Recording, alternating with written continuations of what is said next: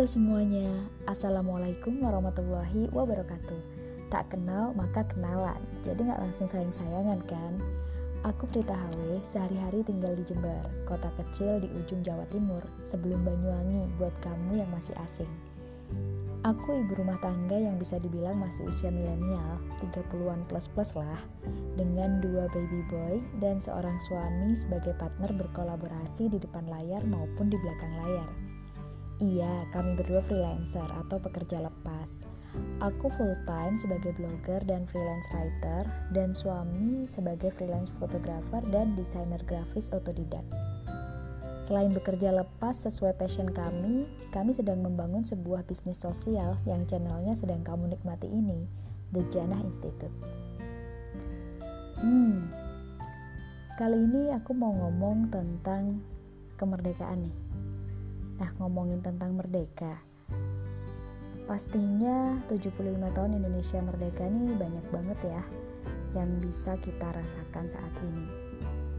Nah, kalau ngomongin Pasti semuanya sepakat kan kalau merdeka itu bebas menentukan kehendak. Kita bertanggung jawab terhadap diri kita sendiri, terutama pada Allah Subhanahu wa taala, Tuhan yang menciptakan kita. Loh kok bisa? Iya, sejatinya kan merdeka adalah lepas dari segala macam penghambaan kecuali pada yang menciptakan kita. Nah, dalam rangka rasa syukur kita yang sudah dihadirkannya nih, kita mesti memanfaatkan sebaik-baik potensi yang kita punya yang sudah dikasih spesial, privilege untuk manusia. Iya, kita sering dibilang makhluk yang sempurna, terutama karena akal yang kita punya. Untuk memaksimalkan akal yang udah Tuhan anugerahkan, kita wajib yang namanya mengenal diri sendiri, tahu potensi, apa kelebihan dan kekurangan kita. Kamu bisa pakai metode SWOT misalnya. Apa sih yang jadi strength atau kekuatanmu weakness atau kelemahanmu, lalu opportunity atau kesempatanmu, dan juga threat atau ancamanmu. Petakan itu dan fokus hanya pada kekuatanmu, sehingga orang gak akan melihat kelemahanmu. Cukup jadikan kelemahanmu sebagai cambuk dan pengingat diri. Untuk kesempatan, ya kamu mesti peka Aku sih suka dengan istilah bumbata ya. Buka mata, buka hati, buka telinga. Supaya kita bisa tahu apa aja sih kesempatan yang ada di sekitar kita. Jangan cuma jadi katak dalam tempurung atau merasa orang yang paling bersedih di dunia. Enggak banget. Untuk ancaman, ini semacam hal-hal atau faktor Z yang nggak bisa diprediksi. Tapi ngomong-ngomong kenapa sih repot-repot memetakan itu? Kalau menurut pengalamanku sih, ini bakal jadi modal untuk terus berinovasi. Dan inovasi itu akan terus tumbuh dari pribadi yang berani berpikir berbeda.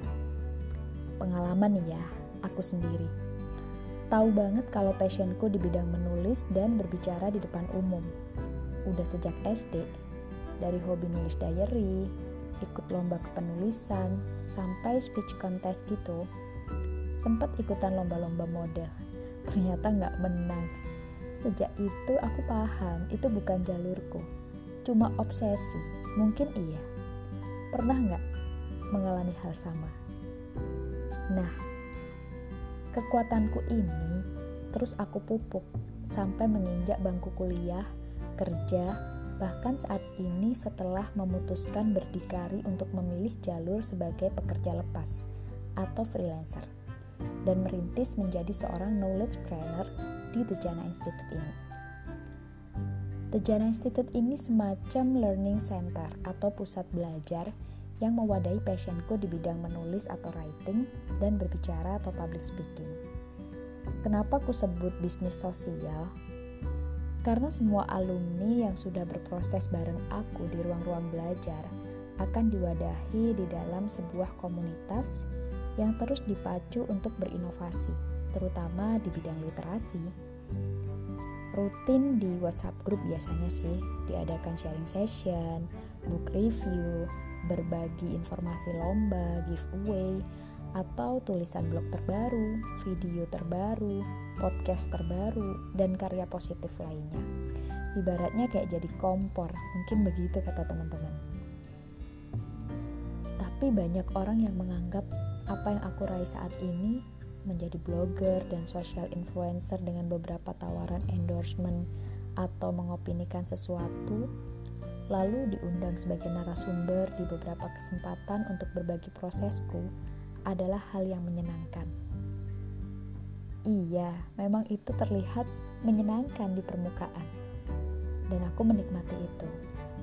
Padahal, seberapa banyak orang sih yang melihat bagaimana malam-malamku terlewati dengan lembur menyiapkan materi untuk kelas menulis, public speaking, melototi handphone, mengecek grup-grup WhatsApp, eh, menjawab pertanyaan-pertanyaan dari orang-orang yang sedang aku mentori, dan sebagainya.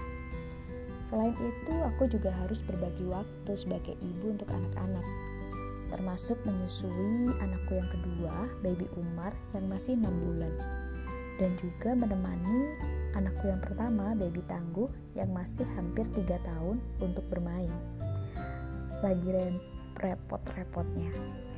Lagi aktif-aktifnya iya. Kalau dibilang aku dan suami yang menjalani pilihan kami untuk berinovasi dari tempat tinggal yang kami namai Soho small office home office dan tanpa ART udah macem kepala jadi kaki atau kaki jadi kepala tapi ya itulah proses gak ada yang instan sama seperti proses menghasilkan intan yang berasal dari batu yang ditekan sedemikian rupa, tapi akhirnya jadi berkilau dan banyak menarik perhatian orang kan. Buatku, kekuatanku yang sekarang adalah hasil akumulasi tahu potensi diri sejak dini. Jadi, nggak usah nunggu di bangku kuliah atau pas kerja, baru menemukan passion dan sadar potensi kita ya. Nah, itu sejual pengalamanku. Kalau ngomongin merdeka tahun ini, emang spesial banget. Di usia ke-75 tahun Indonesia merdeka, kita semuanya nih dapat cobaan atau kalau dalam SWOT tadi dapat ancaman atau threat yang gak pernah kita duga.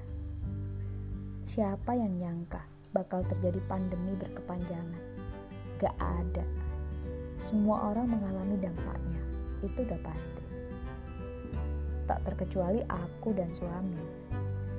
Kami yang sebelumnya mengampu kelas-kelas offline semacam public speaking for kids di rumah, public speaking for youth dan for moms di kafe-kafe, menggelar kolaborasi untuk pelatihan pemberdayaan perempuan, pelatihan fotografi, menulis, bedah buku, atau talk show, terpaksa harus memberhentikan itu semua demi keamanan bersama.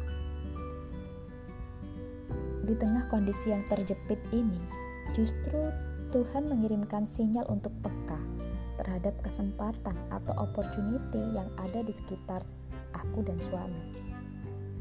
Aku percaya selalu ada hikmah di balik setiap peristiwa.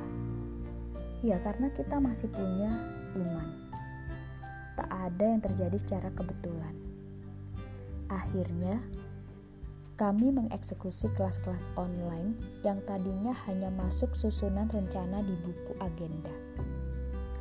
Dari yang kelas online-nya hanya satu, yaitu kelas menulis online untuk dewasa, perdana sekali kami nekat tuh membuka kelas menulis caption Instagram secara online per dua mingguan. Ditambah kolaborasi dengan suami untuk berbagi tentang bagaimana membuat konten foto yang instagramable. Alhamdulillah sekarang sudah masuk bat 9. Ya meskipun gak sedikit sih yang bilang, nulis caption aja kok dibikin kelas. Tapi kan kami yang tahu seperti apa.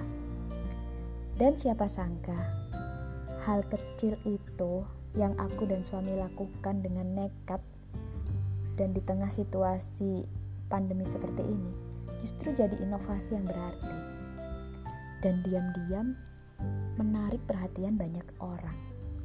Siapa yang bakal nyangka tiba-tiba datang tawaran untuk mendampingi UMKM perempuan dari sebuah NGO yang bergerak di bidang pangan sehat, adil, dan lestari. Mereka meminta saya menjadi mentor kepenulisan media sosialnya. Tak berapa lama, datang lagi tawaran dari sebuah konsultan BUMN untuk memberikan pelatihan yang sama bagi corporate influencernya. Dan semuanya dilakukan secara daring atau online, hanya dari rumah.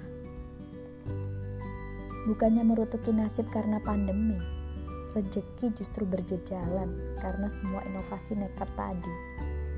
Nikmat Tuhan mana coba yang kita dustakan? Finally, aku cuma mau berbagi semangat optimisme di tengah situasi kemerdekaan ke-75 tahun ini. Negara kita juga sama-sama sedang berbenah dan menghadapi situasi yang tak mudah. Sebagai warga negara yang baik, saatnya kita sama-sama bergandengan tangan untuk menguatkan. Inovasi di tengah pandemi COVID-19 sangat bisa kita lakukan, asalkan kita tahu potensi diri, petakan dengan bantuan metode SWOT, berani lakukan, dan ulangi. Dan yang terpenting, kita punya iman. Percaya, Tuhan yang kirimkan virus, Tuhan pula yang akan menariknya. Ada ungkapan seorang ulama terdahulu, Ibnu Qayyim al-Jauziyah, yang pas banget sebagai penutup podcast kali ini. Tertimpa musibah, memang menyakitkan, tetapi tidak akan selamanya demikian. Musibah itu seperti tamu, ia pasti akan meninggalkan kita. Sedikit demi sedikit menjauh, lalu menghilang, sampai akhirnya benar-benar tidak kelihatan. Apabila musibah telah mencapai puncaknya, giliran kemudahan dan kelapangan datang. Itulah aturan yang Allah tetapkan untuk alam dan tidak akan pernah berubah. Aku Prita HW, cerita kemerdekaan untuk lomba podcast Kominfo. Salam kemerdekaan, tetap semangat, dan sampai ketemu di podcast berikutnya. Wassalamualaikum warahmatullahi wabarakatuh.